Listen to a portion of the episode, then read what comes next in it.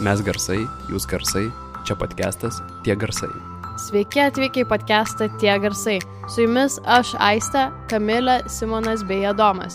Šiame podcast'e vesime diskusijas, kuriomis atskleisime jums gerai pažįstamų žmonių nematytas pusės. Sveiki visi atvykę į mūsų pirmąją laidą. E, Šiandien svečiuose turime visai licėjus bendruomenį pažįstamą Mykolą Mališauską, Sveiki. kurį daugelis žino kaip fizikos mokytoją, tačiau nedaugelis žino jo kitą pusę, tai yra Mykolas dabar studijuoja magistrą vadybos ir mes jį svečiuose pasikvietėm būtent pakalbėti apie švietimo sistemą, tai yra kaip švietimo sistema turėtų būti pritaikyta būtent šiam amžiui. Ir pirmiau norėtumėme, kad Mykolas pasa- papasakotų apie savo vykdomą tokį kaip Y projektą, kaip idėją tokią labiau gal susiformavusią. Tai Mykolai, ar galėtumėt papasakoti kažkiek? Jūs nuo šito norit pradėti. Na gerai. Um, šiaip kol kas mm, tai yra dar, net nevadinčiau to rimtai kažkokiu projektu pradžiai, tai yra labiau kaip idėja, kaip galbūt e, ateities vizija, kas galėtų būti. Realiai mes padarėm kol kas tik tai du tokius bandomuosius mokymus iš esmės. Bendrai projekto idėja, kad mokymas turėtų būti truputėlį kitoks, kad jisai būtų įdomus ir suprantamas ir galų gale pritaikomas kiekvienam ir kad um, mokymas vyktų ne per faktų pateikimą, net ne per kažkokių, na, kad ir žinių pateikimą, bet per supratimą why. Ir, um, na, būtent atsakinėjant šitą klausimą, kad kiekvienas savo atsakytų į klausimą, kodėl, kodėl kažkas kaip nors veikia, kodėl aš elgiuosi kaip nors ir, na, tiesiog, kad tai būtų mokymo pagrindas. Ir ką mes padarėm kol kas, tai yra organizavom iš pradžių tiesiog mūsų trijų žmonių komandą, organizavom tokius mokymus, norėjom išsibandyti būtent šitą metodiką per klausimo kodėl kelimą ir darėm mokymus ne kažkokią mokyklinę temą, ne ten tarkim apie fiziką, bet mokymus apie um, savęs suvokimą Ir, na, tiesiog surinkom bandomųjų žmonių grupę, padarėm tos mokymus, viskas praėjo gražiai, paskui iš tų žmonių atsirado norinčių, tarp kitų ir Kamilė kartu prisijungė čia, um, norinčių toliau padėti mums ir mes buvom su tais pačiais mokymais nu, į kitą mokyklą, iš Gyvanto Augusto pagrindinę mokyklą, vėlgi ten pradėjom tos pačius mokymus, visiems patiko, buvo įdomu, na ir kol kas praktiškai įvyko tiek, tai čia, na dėl to sakau, kad tai dar nėra rimtas projektas, tai kol kas yra labiau idėja bet idėja organizuoti mokymus plačiai, organizuoti įvairiom temom. Na ir galbūt išsiplėsim daugiau kalbėdami apie tai, kokia ta mokykla galėtų atrodyti, bet kol kas tai, kad tas Y kaip idėja, kaip projektas galėtų būti tai, kas galbūt e, atstos švietimo sistemą kada nors. Tikėkime. O galbūt, jeigu grįžtant taip truputį į pradžią ir apskritai, kaip gimė visas šitas projektas, gal galėtumėt, pavyzdžiui, papasakot, kaip kilo šitą idėją, galbūt tai kažkiek susijęs su tuo pavadinimu, why, kodėl ir apskritai, vat, kaip kilo ta mintis kažką pakeisti ir kažką daryti šiek tiek kitaip. Mhm. Tai šita mintis iš esmės kilo iš to, kad, na, mes e, su kolega Julium Vaicinavičium, kuris prie šito projekto irgi prisidėjo, jis irgi dar mokykloje dirba, kažkaip tai vis šnekėjom, šnekėjom ir vis kyla minčių, kad, na, mokykloje viskas ne taip vyksta, kaip norėtųsi idealiai. Iš tikrųjų, ir su mokiniais kalbant, matosi, kad, na, licėjui gal žmonės dar daug maž ir nori į mokyklą yra patenkinti, bet jaučia, kad galbūt viskas vyksta neefektyviai, įdomios kai kurios pamokos, bet ne visos, o bendrai daugumai atrodo, kad, na, mokykla tai yra laiko gaišimas ir ten eiti neverta, o mm, dirbti mokytojų, pavyzdžiui, tai nori vienas iš šimto, jeigu ne dar mažiau. Ir man tai atrodo problema, man tai atrodo, kad netaip turėtų veikti švietimo sistema. Ir dėl to tiesiog kilo noras padaryti kažką kitaip, pabandyti išsiaiškinti, kaip galėtų atrodyti švietimas pat, na, patraukliai visiems. Ir na, dėl to tiesiog pradėjom šnekėtis, ką galima padaryti, ką galima sukurti ir iš to kilo idėja, kad, na, daryti ką nors kitaip iš esmės. Na, o why tai buvo, na, galbūt jis neturi tokių iš tos priežasties, kodėl, kodėl uh, nežinau, atsiradimo istorijos šito, šito pavadinimo, bet tiesiog mums tai, kodėl mums tai atrodo svarbus klausimas, pagrindas supratimo, dėl to taip ir pavadinom šitą idėją. Taip, tai kabinantis iš šios minties, mes norėtume toliau šiandien su Mykolu sukurti tam tikrą tokį tobulos mokyklos modelį ir tiesiog pradė, pradėsime nuo tokių paprastų klausimų, sukursim tokį kaip patį išorinį modelį ir po to gilinsimės labiau vidinius dalykus, tai pradedant tiesiog nuo pačio paprasčiausio klausimo, tai kaip manot, kokios pamokos turėtų būti pritaikytos būtent šiam galbūt šio laikiškai visuomeniai, kokios pamokos turėtų vykti mokykloje? Turime, kokie dalykai, ar ne? Kokie dalykai kokie turėtų būti dėstomi? Um, šiaip, man atrodo, kad iš principo dalykai turėtų būti parinkti tokie, kurie yra pritaikomi ir ko gero tai yra gan individualus reikalas. Tai reiškia, kad, mano nuomonė, turėtų visi mokytis to paties. Na, aišku, mes dabar kažkiek renkamės, ar ne, 11 klasiai pasirenkam ten, ar mokomės chemiją ar fiziką, ar galbūt biologiją, jeigu nenorim nei vieno iš anų. Bet, na, tai nėra tikrai laisvė pasirinkti, ar ne? Kai pasižiūri, tai laisvės ten nedaug. Ir man atrodo, kad mokykloje turėtum turėti žymiai daugiau laisvės pasirinkti dalykus, galbūt jau ir anksčiau Tai aišku, susijęs to, kad na, nėra lengva, ar ne? Nežinai, ko nori, negali sugalvoti iš anksto, ką ten rinktis, bet tai reiškia, kad turėtų būti galimybių praktiškai išbandyti. Na, nueini kažkiek pasimandai ten chemiją, kažkiek pamandai fiziką, galbūt pasibandai daugiau dalykų, pasižiūri, kuo jie susijęs su praktika, galbūt gali nueiti į įmonės, pasižiūrėti, ką jos daro, gal tau pasirodys, kad tau įdomu ten kažkokia lazerių gamintojo, gal tau įdomu vadyba ir panašiai ir pagal tai tu turėtum galėti susikombinuoti dalykus, aišku, ne pats kaip ten būdamas ten koks penktokas, bet su patarimais, su pasiūlymais, e, kas tau galėtų praversti, jeigu aš noriu būti ten pilotu, ko man reikia geriau, galbūt aš nesimokysiu, um, nežinau, tiek daug ten lietuvių kalbos ir literatūros giliai, bet mokysiuos daugiau nors technologijų tokiu atveju. Tai, man atrodo, būtų logiškas modelis, jisai nėra labai lengvai gyvenimas, bet uh, galbūt idėja. Uh, Plus prie to paties sakyčiau, kad na, turėtų atsirasti kitokių dalykų, negu dabar dėstom. Tai yra mm, nelabai, man aišku, kodėl nėra tokių dalykų kaip logika, kaip um, tiesiog, net nežinau kaip pavadinti, bet galbūt darbas su savim kažkas tokio. Net reikėtų gal geresnį tam pavadinimą, bet idėja, kad, na, atrodo, na gerai, reikia man paruošti kokius namų darbus, bet labai nenoriu. Nu, būna, ar ne? Uh, kaip susidėlioti savo laiką, kaip pasidaryti laiko, kad tu galėtum ir paruošti namų darbus ir tai nebūtų kančia ir tu galėtum dar nueiti sportuoti ir viską, toks tiesiog time management, kažkas tokio, kas atrodo mums kaip labai paprasta, bet kažkaip visi turi atrasti patys savaime. Ir galų galia dar man atrodo labai svarbus dalykas, tai yra kaip mokytis. Nes vėlgi čia kiekvienas atranda savo metodiką, Aš atsimenu, kad, pavyzdžiui, kaip ten teisingai naudoti skaičiuotuvą, aš sužinojau universiteto antram kursė maždaug. Aš galvoju, eina savo, jeigu būčiau žinojęs per matematikos VV, tai būtų visai gerai. Um, tokių smulkmenų. Daug kas susideda iš smulkmenų, kurias tu kažkodėl turi įgyti pasyviai per patirtį, bet galėtumėm tą mokyti tiesiogiai. Tiesiog toks iš esmės mokymas, kaip būti žmogumi, sakykime, tiesiog kaip išmokti mokytis, kaip su savim dirbti. Nu, tokie atrodo elementarūs dalykai, bet jie tikrai naudingi ir tikrai, sakyčiau, gal net mažiau moka, negu iš tikrųjų moka.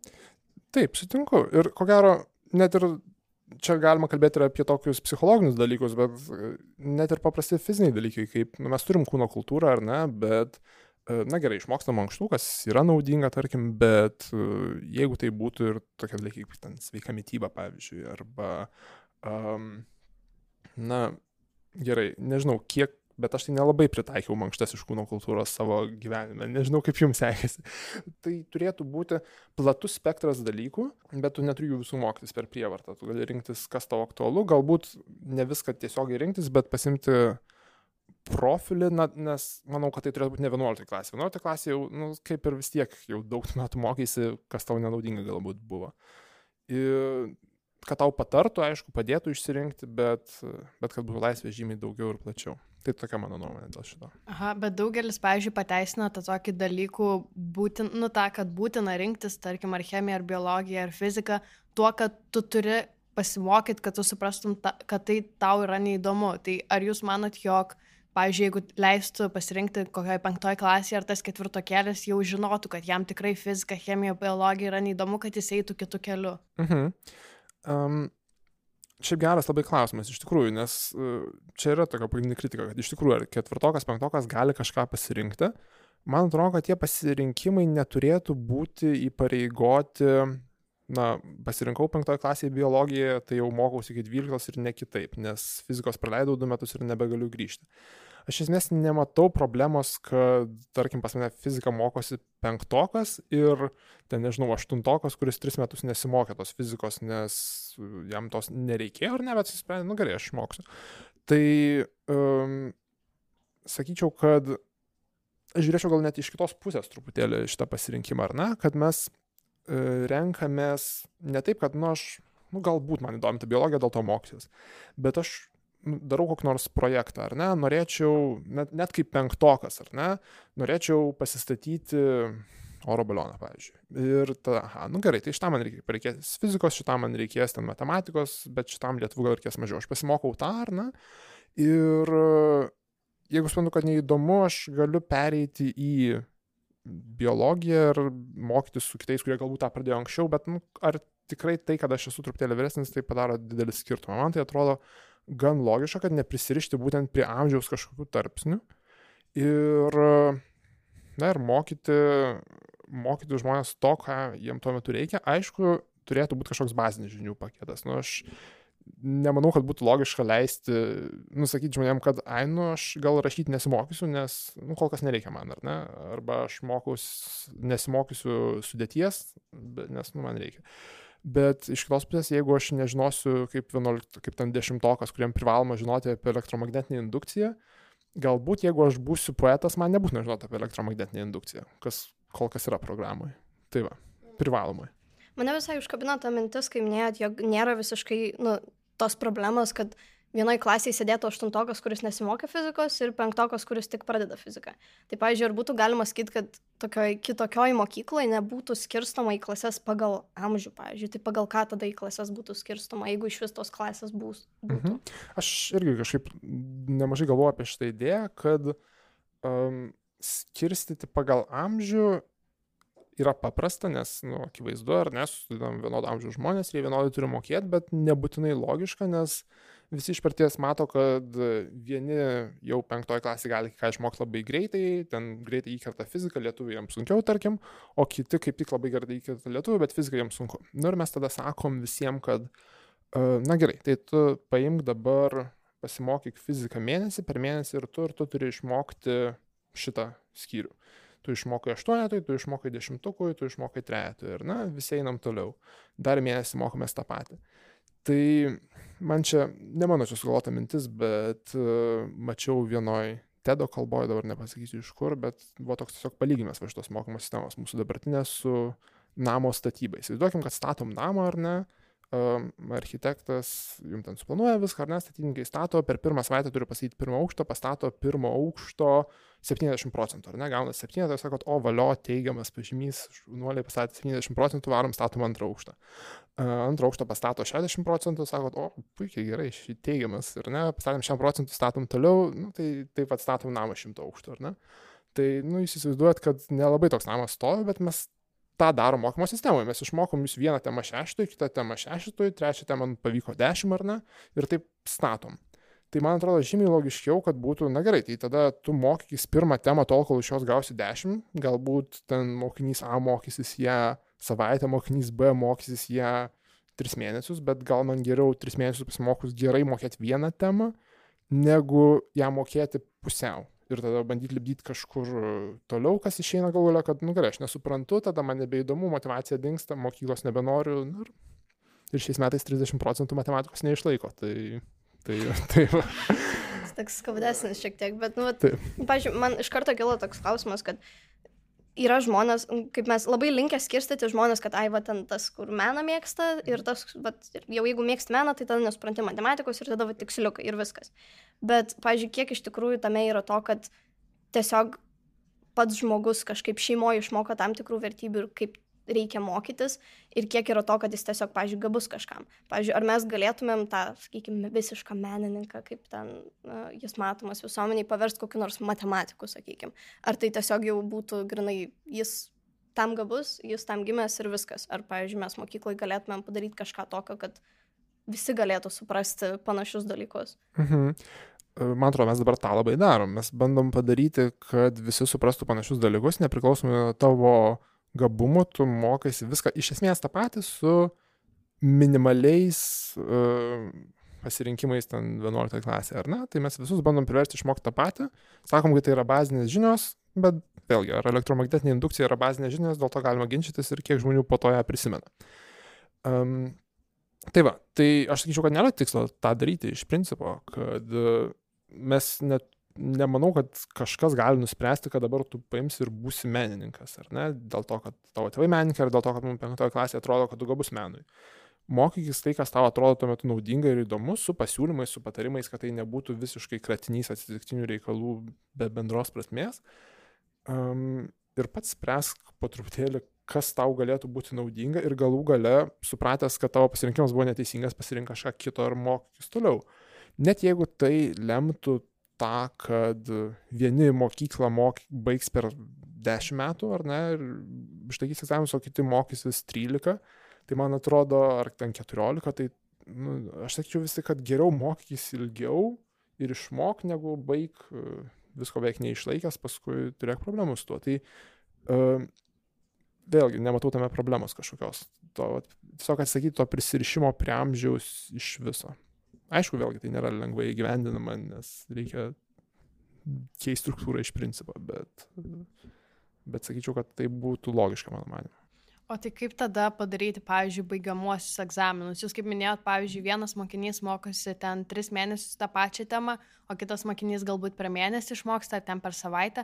Tai kaip tada suformuotos baigiamuosius egzaminus, kad vis tiek negali padaryti šimtui dalykų ten tų egzaminų. Tai kaip mhm. tada padaryti, kad jie tokie vis tiek kaip VBA, tokie kaip bendriniai būtų? Dabar, tai čia labai geras klausimas ir dėl to VBA, kurio prasme dabar irgi, man atrodo, šiek tiek išsikreipia. Tarp kitko, seniau buvo kitokia prasme jų.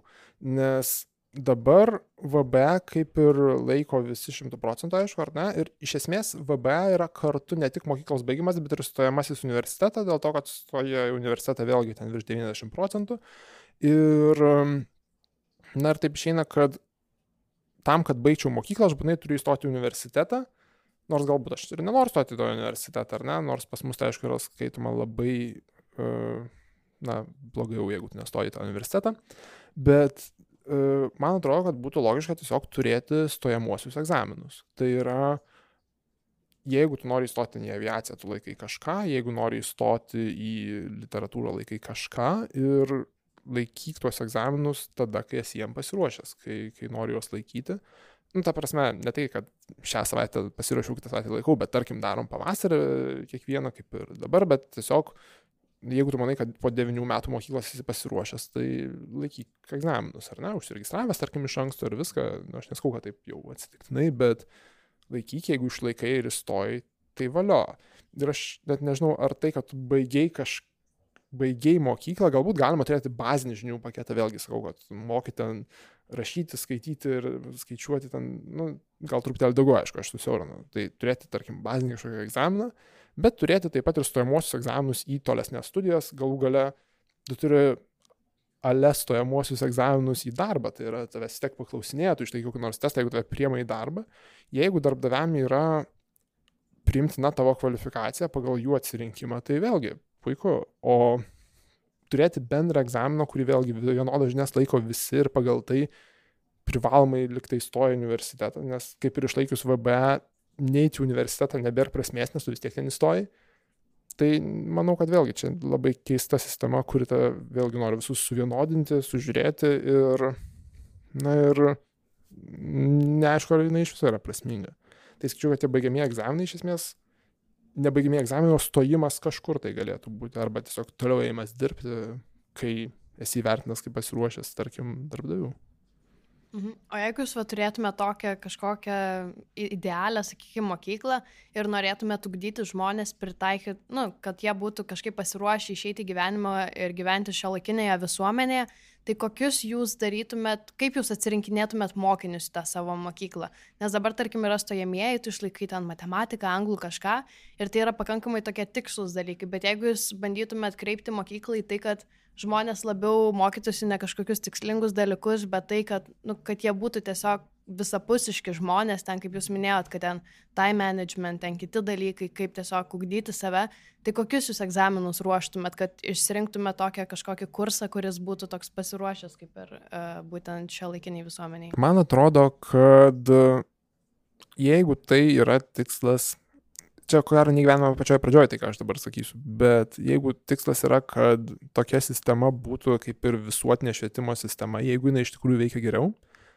tai nemanau, jog tai turėtų būti viena išskirtinė mokykla, kuri atsirenka tik pačius geriausius ir tuos pačius geriausius ugdo kaip jau tobuliau, tarkim. Uh, manau, kad tai turėtų būti pritaikoma visiems. Tai reiškia, kad nėra kažkokių stojamųjų egzaminų, ar ne, kad uh, visi gali mokytis pagal šitą modelį, nes jo labiau, kad švietimas privalomas pas mus visiems. Tai nemanau, kad tai turėtų išskirtinis variantas. Vėlgi, ko gero, tą nelengva suorganizuoti pačioj pradžioj, bet uh, idealiu atveju sakyčiau, kad neturėtų būti kažkokių stojimų Ir tada grįžtant prie to pamokų formato, nes kas dalyvavęs jūsų pamokose turbūt žino, kad jos būna visokios ir įdomesnės kartais, tokios paivairintos, tai va įdomu, kaip jūs matote tą patį pamokos formatą. Mhm. Um, tai mintis, kurią aš čia papasakosiu, tai nėra tikrai mano mintis, čia mm, dabar gal nepasakysiu, iš kur jinai man kilo, bet žinau, kad dalinai taip veikia ir Ken Academy, kam teko girdėti, jie turi kažkiek ir savo mokyklų. Um, bent jau kur vykdo savo programas, tai toks metodas, kuris vadinasi Inverted Classroom. Ir jo idėja tokia, kad iš esmės yra keičiama vietom veikla klasė ir veikla, kur yra skirta namų darbam. Nes kol kas, ką mes darom, tai uh, per pamokas dažniausiai ateina mokytas, papasakoja, na, arba įdomi, arba nelabai įdomi, kokią nors teoriją, mes ją išmokstam, tada pasprendžiam kokius nors uždavinius ir tada namuose gaunam dar ką nors paspręsti, ką nors paskaityti, ką nors ten, na, priklausomai nuo dalyko.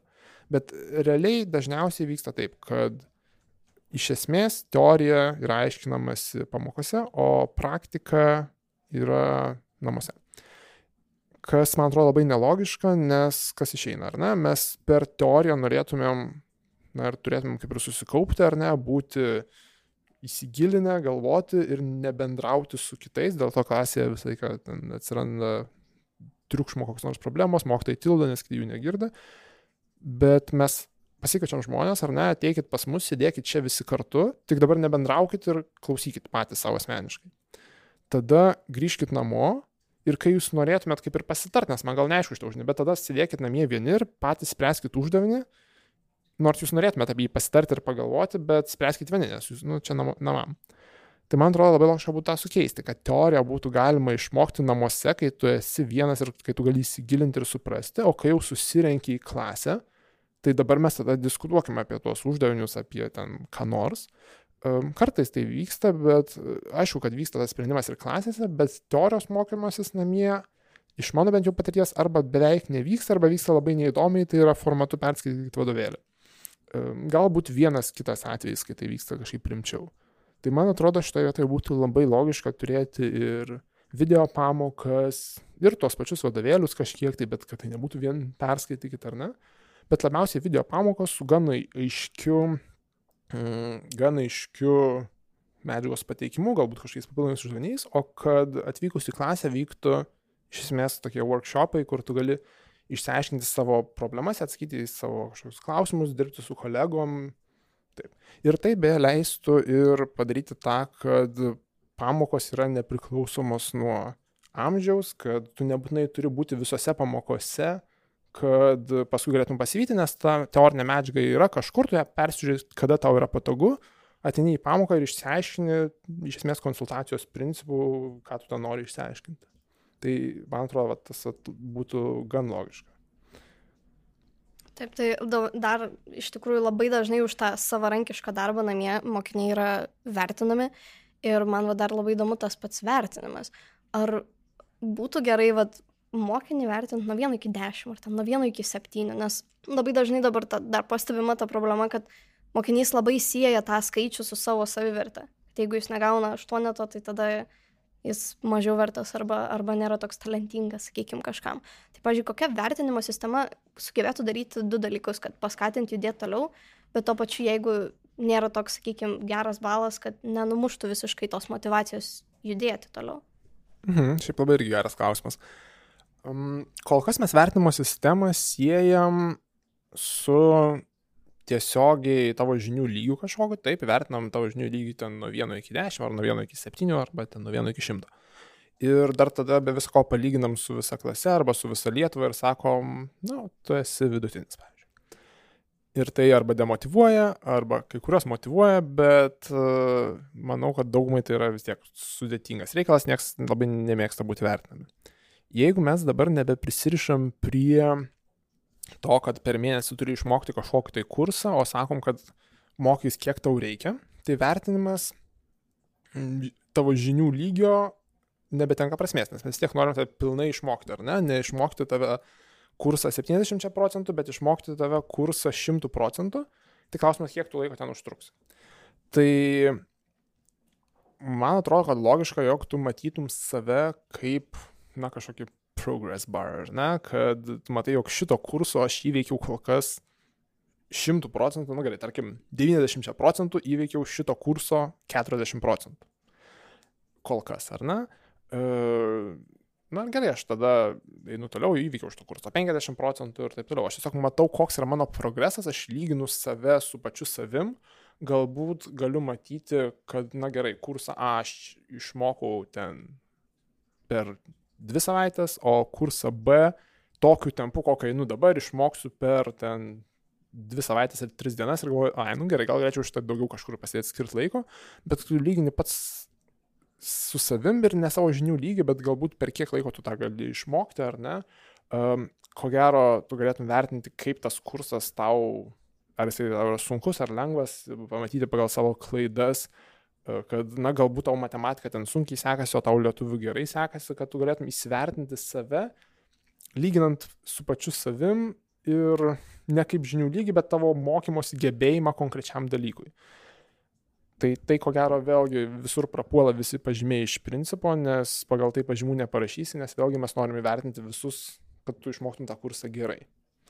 Tai va, o jeigu tu nori pakonkuruoti su draugais, tai paklausi draugo, kad, ai, nu aš išmokau šitą per dvi savaitės, tu per kiek išmokai, nu čia jau tavo reikalas, jeigu tu nori tą daryti.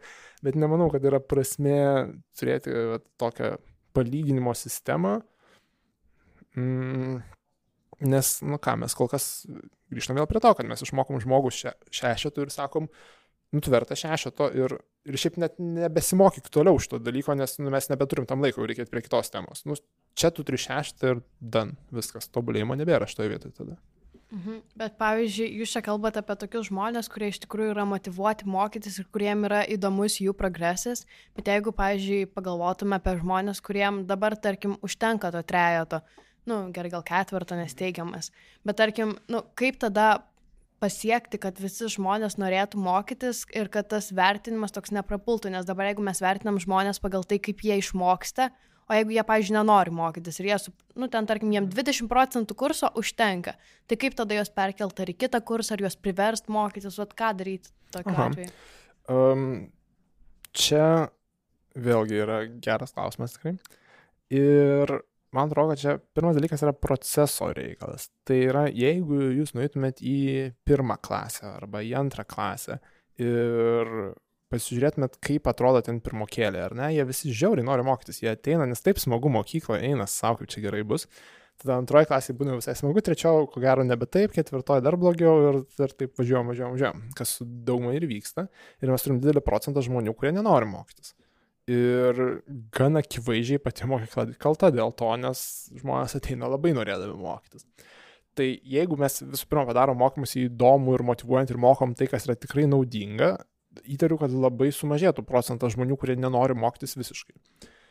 Um, dabar, jeigu aš iš viso nenoriu mokytis, na, sakyčiau, kad jeigu mes nekalbam apie žmonės, kurie tikrai turi ten psichologinių sutrikimų ir visko, tikrai nėra daug žmonių, kurie visiškai nieko nenori daryti.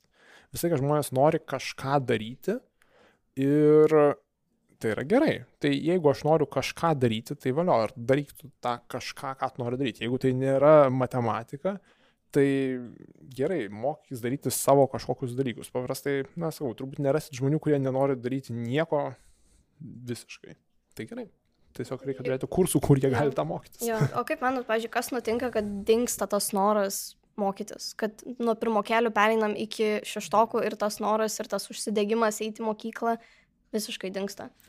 Tai manau, kad dalis iš to išeina, kad vėlgi iš to namo statymo, ar ne, kad aš išmoktų 60 procentų, 70, 60 ir aš suprantu, kad tam, kad aš šitą temą išmokčiau gerai, man jau reikėjo mokytis prieš keturis metus. Ir dabar aš jau nieko nebepakeisiu iš esmės, arba nu, tą padaryti labai sunku aš lieku toks nu, atsilikėlis arba, arba tiesiog vidutiniokas. Arba galų galia man tiesiog neįdomu, man įdomiau veikti kažką kito, man įdomiau žaisti futbolą, man įdomiau sėdėti prie kompo, man įdomiau groti, nu bet ką. Bet jeigu man iš tikrųjų įdomiau žaisti futbolą, tai labai gerai, tai žaisk futbolą. Ir jeigu tu būsi pasaulinio lygio futbolininkas, tai valio. Aha, bet tada kaip su va tokiais, tarkim, mokykloje, nu, nes yra vis tiek daug žmonių, kurie nori visą gyvenimą groti pieninu, ar nori visą gyvenimą žaisti krepšinį ir kaip tada jiems gražiai pateikti, kad nu, vis tiek yra labai mažas procentas tų tokių krepšininkų, kurie iš tikrųjų gali iš to gyventi ir kaip, nes dabar, pavyzdžiui, mūsų visuomenė krepšininkams sako, nu tu nebūsi, tu iš to negyvensi, rinkis kitą kelią, tai vad ką tokiu atveju daryti, nes mes negalim mokyklai vis tiek visiems pritaikyti, ten gal vienas nori žais krepšinį, kitas nori būti šefas, tai vis tiek mokykloje mes visko neišmokysim. Tai ar mes tada laužiam krepšininkus, laužiam šefus, kad jūs vis tiek rinkitės kitą kelią ir pasirinkite tai kaip hobi, tą kitą savo aistrą, ar vis dėlto mes kažkaip pritaikome tai, kad visi būtų laimingi? Aš e, manau, jog šitoje vietoje vėlgi grįžtam prie iš esmės dėstymo turinio tada, kad yra kažkokie baziniai dalykai, kuriuos mes sutarėm, kad tu turi mokėti, bet vėlgi, mano manimu, tai yra ne tas 12 metų kursas, ką mes kol kas esam sutarę, bet žymiai, um, žymiai siauresnis kursas, kuris, sakau, apima tokius gebėjimus kaip ten rašymas, skaitimas, bet galbūt ir plačiau, kaip tarkim, finansų tvarkymas į savo ar kažkas panašaus. Ir tada sakom, gerai, tu šitą išmokai ir jeigu mes tau nieko nebegalim padėti, nes tu nori būti krepšininkas ir tu varytum krepšinio mokyklą, tai gerai, varyk į krepšinio mokyklą ir žaisk krepšinį. Ir jeigu tapsi pasaulinio lygio krepšininku, puiku. Jeigu tu, būdamas 25, suprasi, kad nesi pasaulinio lygio krepšininkas ir nori išmokti fiziką, tai ateik išmok fiziką. Ir tu gali klausyti tas pačias pamokas ir ateiti, nu, galbūt tau nebus labai smagu sėdėti su septintokais, ten, nu, septintoko amžiaus, ten, tarkim, 13 mečiais, bet tu ateisi pas mane ir išsiaiškinsi kažkokią tai teoriją ir įstosi į fiziką, jeigu tu suprasi, kad tau to reikia 25, tai puiku. Dar toks klausimas, tai įdomu, dėl mokytojų problemos jūs pats kažkiek mhm. paminėjote, kaip tada daryti, kad žmonės norėtų ugdyti kitokią kartą ir prisidėti prie to, kad kiekvienam vaikui būtų suteikta galimybė veikti tai, ką jis norėtų, tai, kas jam patiktų. Tai kaip tuos specialistus prisitraukti, nes dabar žinome situacija nėra labai daug suinteresuotų tai daryti. Tai kaip pakeisti tai? Taip, iš tikrųjų, mokytais nori būti labai mažai kas ir ir net ne tai, kad nori mažai kas būti, bet paskui tas noras yra to taip pradedanginamas. E, aš vis laiką su aukliniais, pavyzdžiui, pasikalbu apie tai, ką, ką jie nori veikti, ką jie galvoja, ko jie galvoja būti. Ir vis laiką yra vienas kitas, kuris pasako, nu gal norėčiau būti visai mokytoju. Dažnai po to seka, bet tėvai sakė, kad ne. E, arba, bet mokytojai tiek mažai uždirba. Arba, nu, bet to, toks vat, jausmas, kad, kad mokytojo profesija nėra gera profesija iš principo. Ir man atrodo, pirmą turėtų keistis šitas požiūris. O tas požiūris atsiranda, mano manimu, ne dėl mažų algų ar dėl kažko, ką čia visi dabar sako. E, man atrodo, kad šitas požiūris atsiranda dėl to, kad mokyklose neįdomu. Jeigu mokyklose neįdomu, tai mokytojai prastai dirba. Tai pradėkim gerai dirbti ir kai mokyklose pasidarys įdomu ir visi pamatys, kad, o čia daro žmonės kažką gerą, tai gal aš norėsiu kažką gero prisidėti ir daryti, nes žmonės nori būti naudingi pasauliui, tik tai, matai, jeigu, jeigu mes matom, kad, kad mokykla neveikia, tai kodėl aš turėčiau dirbti neveikiančioje sistemoje? Kaip manot, ko reikėtų, kad pradėtume keisti šitą sistemą? Dabar jau mes matom, kad pradeda daugumai atrodyti, kad čia nebegerai ir kažkokios reformos vyksta, uh, mano nuomonė, kai kurios tos reformos yra labai pro šalį arba orientuotos ne ten, kur reikia, vėlgi dėl to, kad pagrindinė reforma ten kol kas yra mokytojų atlyginimai, kas ko gero nėra pagrindinė problema, mano nuomonė. Um, tai va, tai pokčių reikia, pokčiai liktai jaučiama, kad kažkokie turėtų būti ir man iš tikrųjų atrodo, kad tie pokyčiai visų pirma galėtų būti, neskau tai vienintelė alternatyva, bet tai, kad švietimas pereitų labiau į privatų sektorių. Tai yra, kad atsirastų gerų privačių mokyklų, kurios galėtų veikti na, teisingai ir kad tai nebūtų, na, kol kas vis tik privačios mokyklos jų yra, bet jos yra galbūt labiau skirtos tiem, kurie gali savo tai leisti ar ne, tai yra turtingiem tėvam. Ir, na, toks išskirtinis reikalas kažkaip tai yra. Kad privačios mokyklos galėtų pasidaryti normą ir kad atsirastų, na, tarkim, ne viena kita mokykla, bet tinklas, kuris ruoštų tikrai gerai, nes, na, žinom, kad daug kur vis tik privatus sektorius veikia žymiai efektyviau.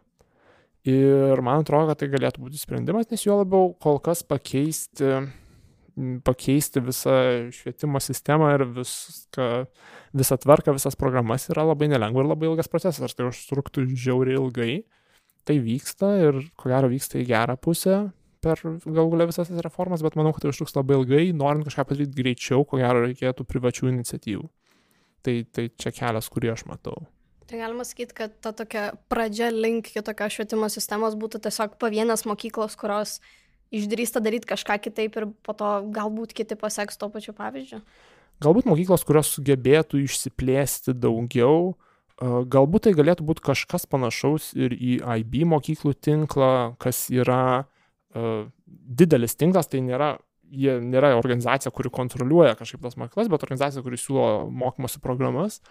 Tai manau, kad IB yra tikrai nebloga programa, jinai nėra šimtų procentų tinkama Lietuvai vien dėl to, kad jinai yra mokama angliškai, dėl to tai daug kas, na tai yra vis dėlto tarptautinė programa, galbūt tai turėtų būti kažkokia ir nacionalinė programa, bet vientisa, mm, bet tai turėtų būti na, plačiau negu tik vienos mokyklos kažkokiose ribose galbūt tokios programos ir atsiranda iš noro kažką pakeisti ir tada mes matome, nu, tai veikia. Tai tarkim, ta IB programa galbūt jinai ir pati atsirado iš tokio noro keisti tą nusistovėjusią normą ir išsiplėtoja. Tai galbūt jeigu pradėtume kažką daryti, kad ir Lietuvos mastu, tai gal net ir pakeistume tą tokį kaip ir, nežinau, nusistovėjusias normas.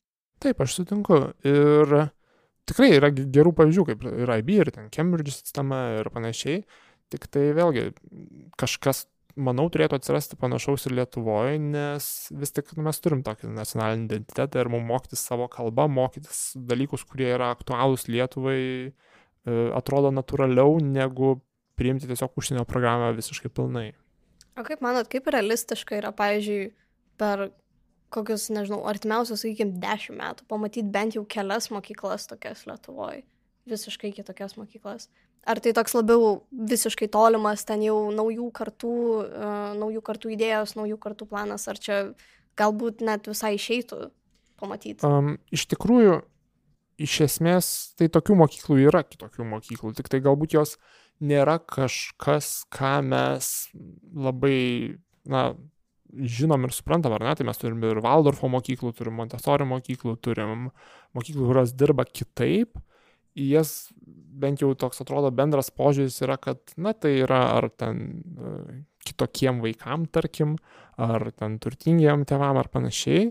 Tai manau, kad realu, jog tokios mokyklos atsirastų. Klausimas, ar jos gali išsiplėsti daugiau. Kiek aš suprantu, nesu labai daug susidūręs ir su Waldorfo mokyklom, bet jų tikslas nėra išsiplėsti ir pasidaryti visuotinai primta švietimo sistema. Jie galbūt ir patys linkia uh, na, būti mažom grupelėm, kurios dirba kitaip ir tai irgi yra gerai. Tai man atrodo tiesiog reikia, kad kažkas sugebėtų tai padaryti kaip visuotinė švietimo sistema. Gerai, ir tada paskutinis klausimas jums, tai kaip manot, kodėl iš viso yra svarbu keisti kažką ir darytas tokias naujas sistemas? Jeigu mes kalbam apie tai, kad turim kažką, kažkokią sistemą, kuri yra skirta ugdyti žmonės, ar ne? Ir jinai nelabai veikia, tai dabar žmonės labai lengvai susiranda alternatyvių būdų, kaip mokytis kažką, ar ne? Daug išmokstam iš interneto, daug išmokstam iš draugų, bet mes vis tiek verčiam žmonės gaišti laiką 12 metų, sėdint pamokose po ten 6-8 valandas ir iš tikrųjų išvaistom daug laiko. Jeigu mes sugebėsim viską padaryti taip, kad žmonės būtų ir labiau motivuoti mokytis, išmoktų tikrai naudingų dalykų, viskas vyks gerokai produktyviau, kas reiškia, kad mes turėsim daugiau motivuotų žmonių, daugiau gerų specialistų, daugiau uh, tiesiog žmonių, kurie sugebės toliau tobulinti visuomenę visose srityse, absoliučiai. Tai man atrodo, kad tai yra pagrindas bendram tobulėjimui. Gal dar pabaigai norėčiau tiesiog pavyks tokia mintim, kad iš principo, man atrodo, tai šitas dalykas galioja ir organizacijom bendrai, ir mokyklom, tai yra, kad pati mokykla ir pati bet kokia organizacija turi būti tobulėjanti ir šitos idėjos, apie ką mes dabar kalbėjom, galbūt kai kurios iš jų gali veikti labai gerai, galbūt kai kurios iš jų praktikoje pasirodytų visišką nesąmonę, bet man atrodo, kad pagrindinė idėja turėtų būti tokia, kad mokykla turėtų nuolat tobulėti ir turėtų būti žmonių, kurie nori keistis ir prisitaikyti, išbandyti kažkokius dalykus, tuos uh, savo bandymus uh, patikrinti, išsiaiškinti, kur buvo klaidos, jas patobulinti, na, kad tai būtų auganti sistema, sistema, kuri prisitaiko prie ir tuometinių kartų poreikių ir bendrai aplinkos poreikių. Ir, na, kad tai būtų lanksti sistema kiek įmanoma ir kad visos va, čia ir išsakytos idėjos jos būtų išbandytos, patikrintos, o ne priimtos kaip kažkieno, na, pasakyta ar ne, kad jeigu aš ten po dešimt metų pasidarysiu kaip nors ten koks švietimo ministras, tai tada visi klausys manęs. Nu taip neturi būti. Turėtų būti, kad tiesiog, na, visą tai būtų praktiškai tikrinama ir pasirenkama tai, kas veikia, o ne taip, kaip kas nors pasakė. Gerai, ačiū Jums tuomet labai už šitą pokalbį, buvo labai įdomu iš tikrųjų išgirsti idėjas, tai ačiū Jums labai. Ačiū Jums už iniciatyvą, tikrai smagu ir labai tikiuosi, kad tęsis viskas ir toliau šitie šaunus pokalbiai su įdomiais žmonėmis.